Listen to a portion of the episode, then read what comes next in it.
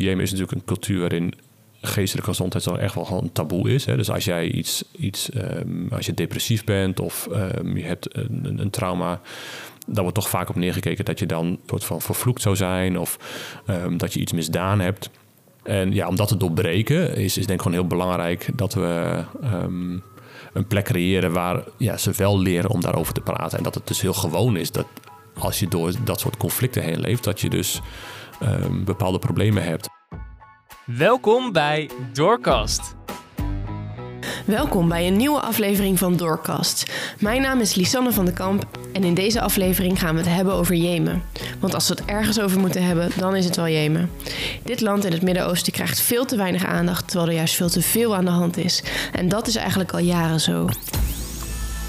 Bij mij aan tafel zit Adriaan Jagersma, die afgelopen jaren uh, heeft geholpen met het opzetten van een eigen landenkantoor in Jemen. Welkom. Dankjewel. um, ja, jij hebt zelf ook uh, in Jemen gewoond. Dat is echt wel een hele tijd geleden. Ja, ja ik heb inderdaad van, uh, van 2005 tot eind 2013 inderdaad uh, grotendeels in Jemen gewoond. Ja, met mijn gezin. Ja, ik vroeg me af, misschien, uh, nou je mag jezelf natuurlijk ook uh, nog voorstellen, maar uh, misschien wil je ook wat vertellen gewoon over die tijd, hoe dat was en hoe jij Jemen als land hebt ervaren. Ja, ja nou ja, Adriaan, um, waarnemend landendirecteur nu voor Dorcas. Um, maar ja, een, een, langere historie al wel in Jemen. Um, in 2005 vertrok ik samen met mijn vrouw naar Jemen. Toen nog zonder kinderen. En ja, eigenlijk um, verliefd geworden op een, op een prachtig land. Wat toen nog uh, redelijk veilig was en stabiel. En, en, een land met heel veel gezichten. Um, als je het hebt over de, de cultuur, over het land. Hè. Ze hebben prachtige woestijnen, bergen, uh, kusten. Ja, heel warm volk. Mensen die ons uitnodigden bij hun thuis. Um, en heel veel van de cultuur en achter de deur konden kijken bij ja, de Jemeniet hoe het thuis was. En ja, dat is een heel bijzonder ervaring geweest. Wat, is, wat zijn typische culturele dingen in Jemen bijvoorbeeld? Nou, ik herinner me nog toen we voor de eerste keer op het vliegtuig stapten richting Sanaa, de hoofdstad. Um, zag je me direct een hele sterke scheiding tussen mannen en vrouwen. Hè. Dus de mannen gekleed in de traditionele witte jurken. De, mannen, de vrouwen veel zwart um, bedekt, ook wel helemaal gezichtsbedekking. Wat in het begin best wel, um, ja, wat, wat uh, ja, hoe zeg je dat, afschrikt misschien. Mm-hmm. Maar daar, ja, leer voorbij kijken. En betekent ook wel dat er gewoon heel veel mooie dingen ook wel achter zitten. En, en als je dat meemaakt, inderdaad, hè, dus uh, de mannen zitten vaak um, in de middag kat te kauwen. Dat is een heel typisch Jemenitisch. Dus dat zijn stimulerende bladeren die ze urenlang in hun wangzak stoppen. Hm. Uh, waardoor ze in een soort ja, extase komen. Het is een hele lichte druk. Maar ja, daar, daar zit je bij en daar uh, hoor je de verhalen, er wordt de politiek besproken, er worden de problemen opgelost. Um, ja, dat is iets heel typisch Jemenitisch. En, en mijn vrouw ging dan vaak uh, bij de vrouwen schoof zij aan. Ja, en dan hoor je de verhalen van het dagelijks leven. En uh, ja, om daar een inkijk in te kunnen krijgen was, uh, was echt wel een voorrecht. En ja, het is jammer dat dat nu eigenlijk, hè, met, met de huidige crisis, zoveel uh, ja, ondersneeuwt eigenlijk. En, en dat zit daar nog wel steeds onder. Hè? Die, die, die, die, uh, de gastvrijheid en, en de, de, de, warmte van, van, van de Jemeniet, ja, die is uh, heel aanstekelijk. En ja, dat moeten we eigenlijk proberen weer wat meer naar boven te krijgen. Ja. ja. Ja, want je bent ook op een gegeven moment natuurlijk weer weggegaan. Wat was, was dat conflict ook de reden voor jou dan om daar om ja, ja, in 2011 begon natuurlijk de Arabische lente in, in, in de hele Arabische wereld. En um, dat raakte ook Jemen. En ja, daarmee eigenlijk begon een soort afgeleide naar een, humanitaire crisis, zoals je dit nu kent. En ja, dat hebben we nog een aantal jaren kunnen volhouden als gezin. waren toen jonge kinderen. Um, en eind 2013 werd het eigenlijk te veel. Dat je zo lang dan onder een bepaalde spanning leeft en altijd met, met uh, veiligheidsmaatregelen um, moet leven. Dat we toen hebben gezegd van voor onze eigen gezondheid zou het gewoon beter zijn om, uh, om een andere plek te zoeken in het Midden-Oosten. Dus toch wel uiteindelijk gekozen om weg te gaan. Ja. ja, ik kan me ook wel voorstellen dat als je daar dan je gaat er natuurlijk naartoe met een bepaalde droom of zo. En als een, wat je, ook, je noemt het zelf dan afglijden, maar als het eigenlijk alleen maar steeds erger wordt voor je gevoel, dat, dat je dat ook, dat dat ook gewoon heel moeilijk is of zo. Ja, het is heel triest om te zien. Wij, ik weet nog goed dat we weggingen in 2011, 12 werden we geëvacueerd, omdat het echt even uit de hand liep. En toen zaten we in Dubai en ja, dan kom je terug na een paar maanden. En dan opeens staan er enorme rijen voor de, voor de tankstations. Um, zie je dat mensen hun rekeningen niet meer kunnen betalen. En dan wordt die armoede heel tastbaar en zichtbaar. Um, en dat was wel echt een, ja, een soort kantelpunt. Dat uh, het van ontwikkelingshulp naar humanitaire hulp ging. Ja, het is heel triest om te zien dat, dat um, een land wat zoveel potentie heeft en zoveel mooie mensen, dat die uiteindelijk in, ja, in, in een crisis terechtkomt. Ja, zeker. Um, Even, want ik heb er getwijfeld van uh, ja, wat, hoe kunnen we Jemen als land zeg maar, introduceren. Nou, je hebt al wel wat dingen verteld. Uh, het is ook heel makkelijk om direct zeg maar, een soort van de ellende in te duiken, omdat er gewoon zoveel aan de hand is. Ik dacht, misschien is het ook wel goed om uh, ja, nog wat leuke dingen uit Jemen of zo te benoemen. Van wat zijn nou echt uh, gewoon leuke wetenswaardigheden over Jemen. Ik had zelf uh, ook iets opgezocht, namelijk dat uh, de persoon die koffie heeft uitgevonden uit, waarschijnlijk uit Jemen komt. Dus nou, dat, dat is iets waar ik dan persoonlijk heel dankbaar voor kan zijn. Ja. en dat, ik had ook nog gevonden dat er heel veel indrukwekkende bouwwerken in Jemen staan. En dat Jemen ook de eerste wolkenkrabber had. Dus dat vond ik ook wel geinig of zo. Om uh, nou, gewoon een leuke wetenswaardigheid. Ik weet niet of ja. jij nog iets... Nou, het is, het is, zeker waar. Ik denk dat de, de, het koffiedebat... Uh, dat ik me daar niet aan brand. Want het, het wordt ook wel door Ethiopië en... Um, ja, het wordt door meerdere landen geclaimd, klopt. Maar er is inderdaad wel, wat wel interessant is... er is aan de kust, um, uh, aan de Rode Zee... is een dorpje dat heet Mocha. Um, en uh, dat claimt zeg maar de oorsprong van koffie te hebben. Um, dus ja, er wordt zeker koffie verbouwd. En, ja, en koffie is wel een, uh, een, een gemeen goed in Jemen. Ondanks dat men ook wel veel thee drinkt, moet ik zeggen. Met name in het zuiden. Maar de, ja, de, de oude stad van, van, van Sanaa bijvoorbeeld, van de hoofdstad. Ja, de traditie leert dat dat teruggaat um, naar de zonen van Noach. Dat die Sanaa zouden gebouwd hebben. Oh. Um, de Sem um, zou de, de, de, de grondlegger zijn van Sanaa. Jo. En dat is echt een fantastische oude stad die ja, UNESCO-erfgoed is. En een hele mooie oude gebouwen heeft. En heel goed eigenlijk bewaard is gebleven. Goed, nu in de oorlog zijn er wel delen uh, beschadigd geraakt. Maar dat, ja, dat is een feest om daar doorheen te lopen, door die kleine steegjes en, en echt het, het, traditionele Arabische leven te proeven. Ja, echt alsof je weer ook een beetje teruggaat in het verleden ja, of zo. Ja. Uh, en dat, is, ja, dat heeft, denk ik, hè, ik heb best wel wat gereisd in de Arabische wereld en Noord-Afrika. Maar Jemen ligt natuurlijk een beetje hè, onder Saoedi-Arabië en um, ingesloten door Oman aan, aan, de, aan de oostkant. En het heeft ja, niet die welvaart van, van die oliestaten. Um, en eigenlijk een hele mooie traditionele cultuur. En ja, het echte pure Arabisch, ook qua taal en qua, uh, qua cultuur, beleef je daar nog. En dat, ja, dat vind je eigenlijk geen ander land terug um, in het Midden-Oosten, wat mij betreft. Oh, cool. Ja, ja. ja absoluut hoor. Jemen heeft heel veel schoonheid achter, uh, en wat je ook zegt, ja, onder de, ja. het, het, beeld wat we nu vaak hebben, dat er crisis is en is er ook. Ja. Um, het is maar, een beetje een soort van uh, ondergesneeld letterlijk ja, onder de ja. ellende. Ja. En dat, ja, dat is er ook gewoon op heel veel plekken niet meer door die crisis. En, en daarom is het ook gewoon heel belangrijk dat we, dat we daar proberen met elkaar wat aan te doen. Ja. En de mensen aan te, te ondersteunen. Ja. Ja, want um, heeft een heel uh, heftig uh, verhaal, zeg maar, van in ieder geval van sowieso wel langer, maar ook van de afgelopen decennia. En um, ja, het valt mij in ieder geval de laatste jaren op dat er ook echt steeds meer van die krachttermen worden gebruikt om te benadrukken hoe erg het is. En ik heb er even drie uitgekozen en ik was benieuwd of jij ze wil toelichten. Uh, allereerst, de oorlog in Jemen wordt een uithongeringsoorlog genoemd. Kun je vertellen wat, wat daarmee uh, bedoeld wordt? Ja, het is, het is een, een uh, op dit moment, hè, als je de, de Verenigde Naties um, rapporten leest, is, Jemen de grootste humanitaire ramp wereldwijd.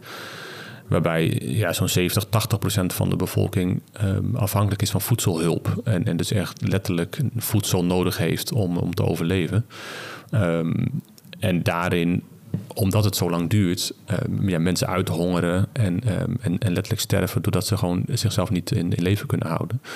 Um, dus ja, daar wordt heel veel op ingezet. Dus om, om uh, die eerste levenshulp uh, te bieden. Dus veel voedseldistributies, maar ook tegenwoordig veel meer met cashgeld. Dus dat cash wordt uitgedeeld om mensen ja, toch weer terug op dat niveau te krijgen dat ze ja, een leven kunnen gaan opbouwen. Ja, maar is het ook een oorlogstactiek, zeg maar, om mensen uit te hongeren van, van de mensen die oorlog voeren? Of... Ik denk niet dat het, uh, nee, ik denk niet dat het een, ik denk dat het meer een consequentie is van de oorlog die er is. Hè? Dus door, door stijgende voedselprijzen, door de economische crisis, ehm, dat daardoor voedselprijzen en, ehm, en met name de, de toegang tot voedsel lastiger wordt.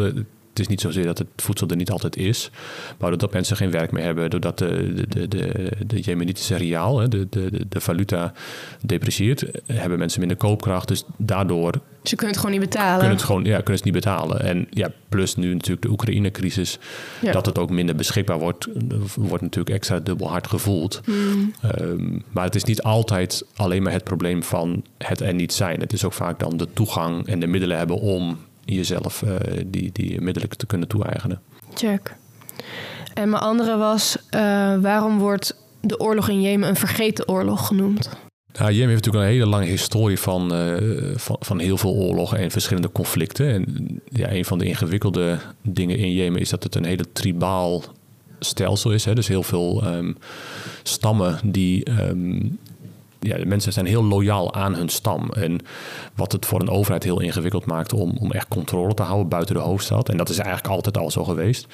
Um, dus het gebeurde eigenlijk altijd wel in het land. Um, maar goed, ja, het is nu op zo'n schaal dat het echt weer. Um, weer aandacht nodig heeft. Maar goed, ja, dan komt dan Syrië erachter vandaan en, en andere crisissen. En dan, uh, ja, dan verliest uiteindelijk Jemen het ook soms in ja. de media aan aandacht. Ja, dus ik hoor je aan de ene kant zeggen van... er is gewoon zoveel gebeurd en het is zo complex... dat van hoe vertel je het verhaal, dat is gewoon ingewikkeld... en daarom is het ook een beetje zo van... ik begin er niet eens aan, zeg Ja, maar. ja. En aan de andere kant, er is zoveel aan de hand in de wereld...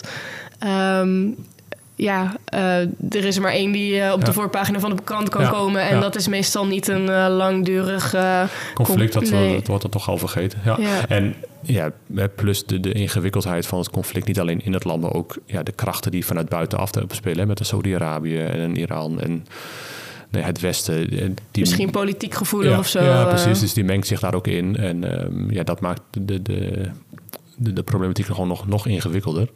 En goed, als daar op dat niveau zou uiteindelijk ook um, ja, oplossingen moeten komen om, uh, om echt naar een structureel betere situatie te kunnen werken. Ja, ja want dat is ook nog niet zo makkelijk. Uh. Nee, nee, nee. Ja, en ik had dan als derde nog... Uh, waarom wordt de oorlog in Jemen de grootste humanitaire ramp ter wereld genoemd? Maar ja, die heb je natuurlijk al uh, beantwoord. Tenminste, dat hebben we tussen de regels door denk ik al wel goed begrepen.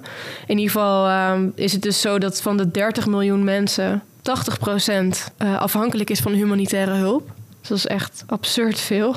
En ook dat er dus ook echt superveel kinderen en mensen zijn overleden. Want in de eerste 3,5 jaar, dus van 2015 tot 2018, waren er al 85.000 kinderen omgekomen van de honger.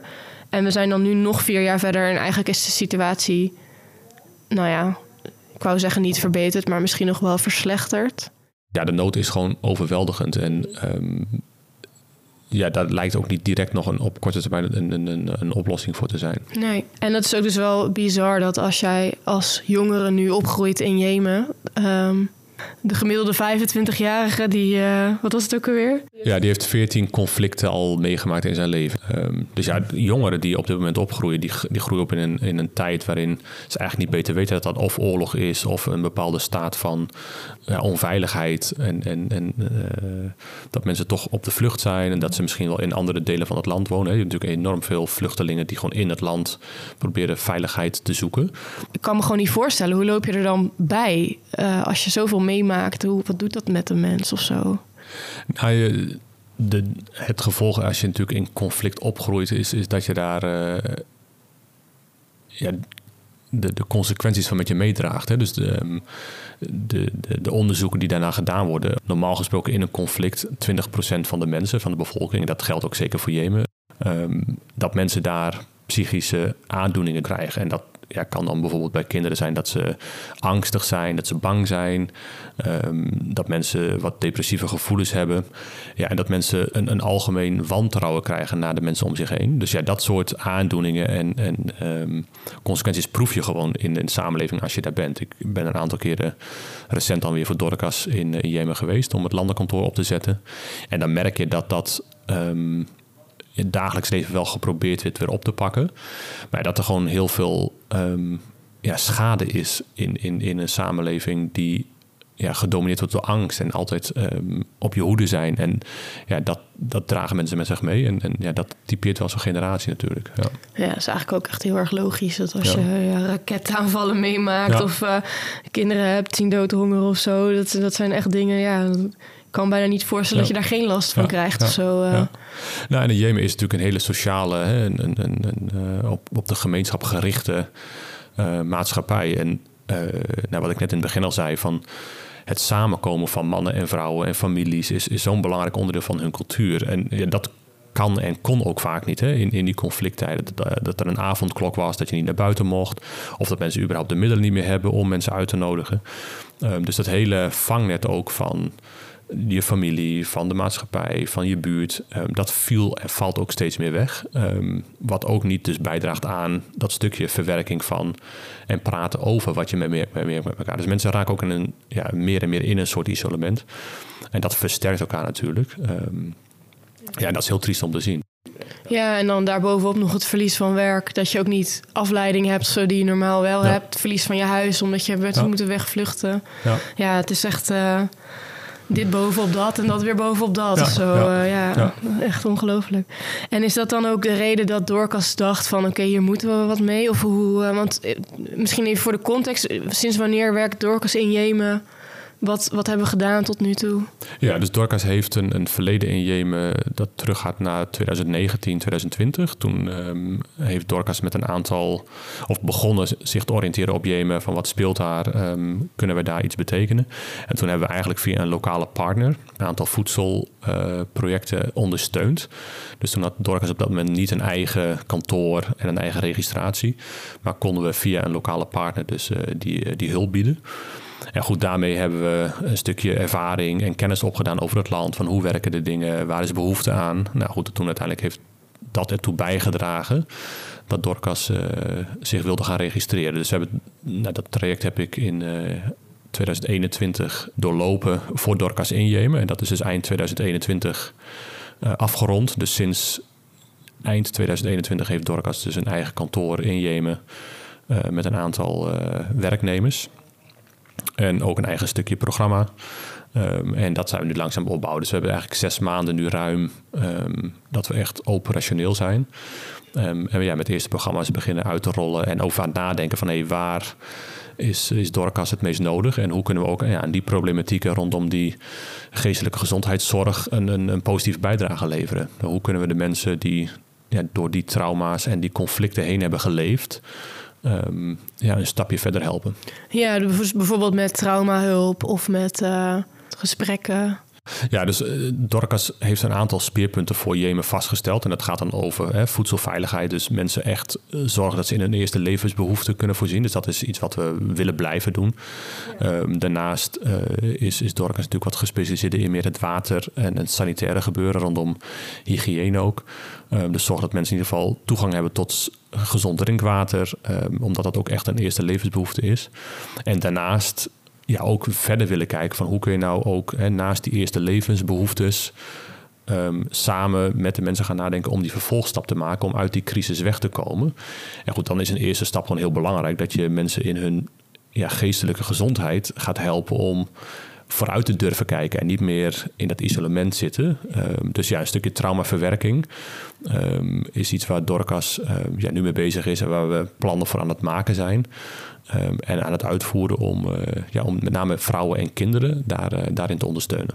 Ja, zodat ze ook gewoon weer met goede moed naar de toekomst kunnen kijken. Of... Ja, ja en, en daarin, hè, in, de, in de mentale of in de gezo geestelijke gezondheidszorg, heb je eigenlijk verschillende stappen die nodig zijn. Hè. Je hebt natuurlijk uiteindelijk voor, voor mensen die uh, een heel sterk trauma hebben of een groot probleem, die, die moet echt hele specialistische zorg hebben. Echt mm. institutioneel in een, in, een, in een kliniek. Nou goed, dat is niet direct Dorcas aanpak. Dorcas zoekt echt meer een benadering die op gemeenschapsniveau, hè, dus meer zeg maar in het soort buurthuis, ja. um, opgelost kan worden. Of waar we een plek creëren waar dan ja, vrouwen en kinderen bij elkaar kunnen komen. Wat gaan ze dan bijvoorbeeld ehm, doen? Zeg maar, ik, ik weet niet of je een concreet... Ja, nou, wat we nu doen bijvoorbeeld is heel concreet.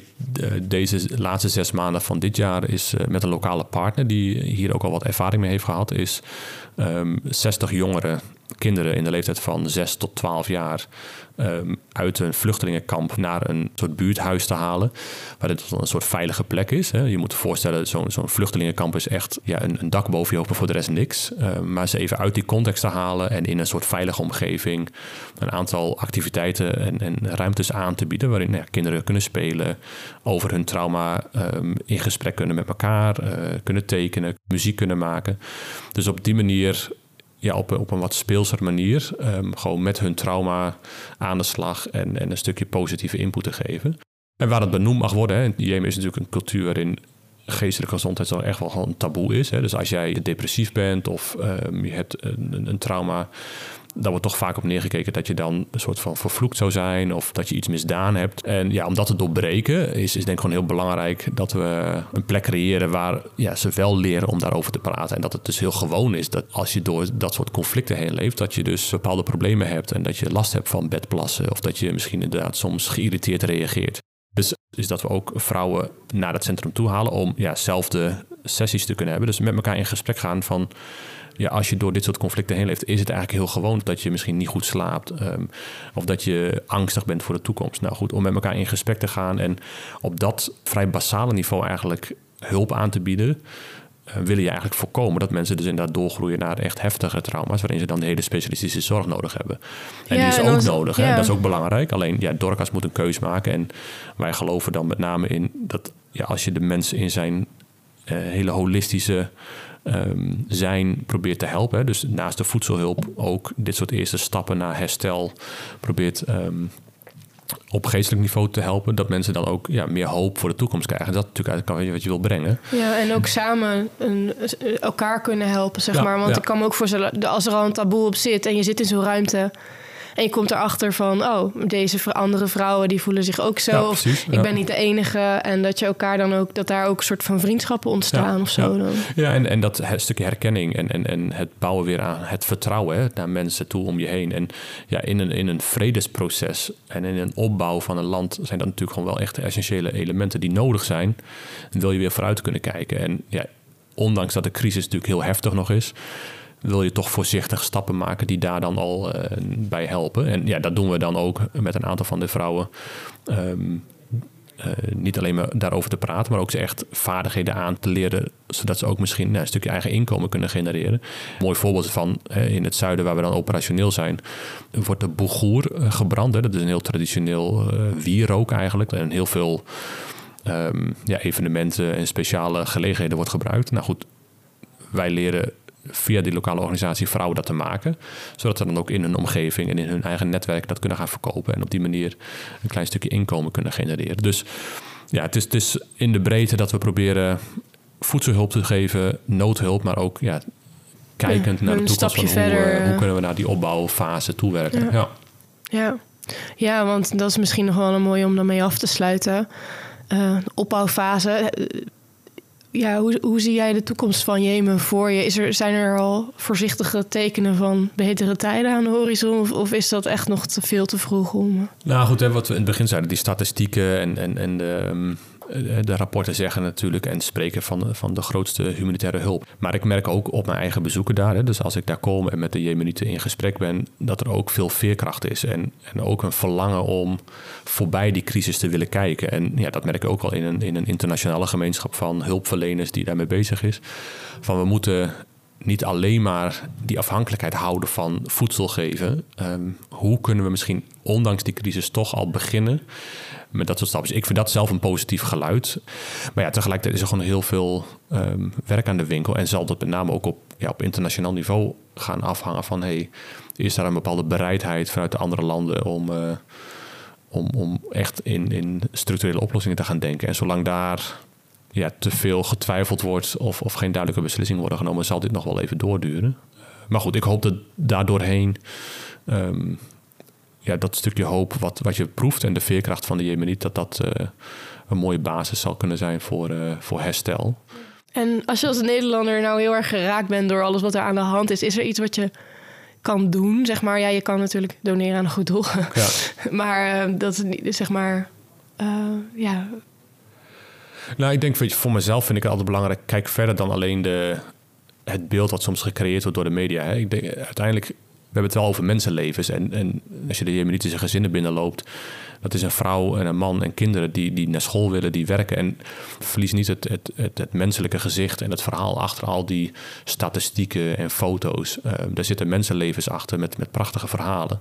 En wat ik al zei, uh, van een prachtig uh, volk met, met hele mooie, warme eigenschappen waar de wereld echt wat van kan, kan leren. En, um, en dat je dat ja, in, in, in alle nood en ellende die we soms op ons afkrijgen, dat we dat niet verliezen om, om de mens te zien in, in zo'n situatie. En ik denk dat dat uh, mijzelf drijft om, om dit door, door te blijven doen of gaan. Omdat jij soms verlies je wel eens de hoop van, ik van helpt het nou echt? Maar goed, voor die één of twee voor wie jij een verschil kan maken, um, is het ja, wel is, echt is, een is, het waard. En, en ja. Um, ja, daar doe ik het voor. En ja, dat kan iedereen doen in zijn eigen leven. En, uh, en niet die hoop op te geven. En ik denk dat dat, dat mogen uitstralen en uitdragen als Dorcas. En uh, ja, al onze supporters en, uh, en, mensen die daarin meeleven en meedenken en meegeven. Daar gaan we mee aan de slag. Ja, dus, ja, en daar mooi. kun je meedoen. Ja, mooi. Dankjewel voor dit gesprek en ook voor ja, alles wat je hebt gedaan voor Doorkas afgelopen jaren. En blijf doen hopelijk. Ja, ja dankjewel. Leuk dat je luisterde naar Doorkast. Heb je een vraag of wil je reageren? Stuur dan een e-mail naar redactie.doorkast.nl. Vind je deze podcast interessant? Dan vinden we het natuurlijk leuk als je hem volgt, deelt of een positieve beoordeling achterlaat. We zien je graag terug als luisteraar bij een volgende aflevering. Tot dan!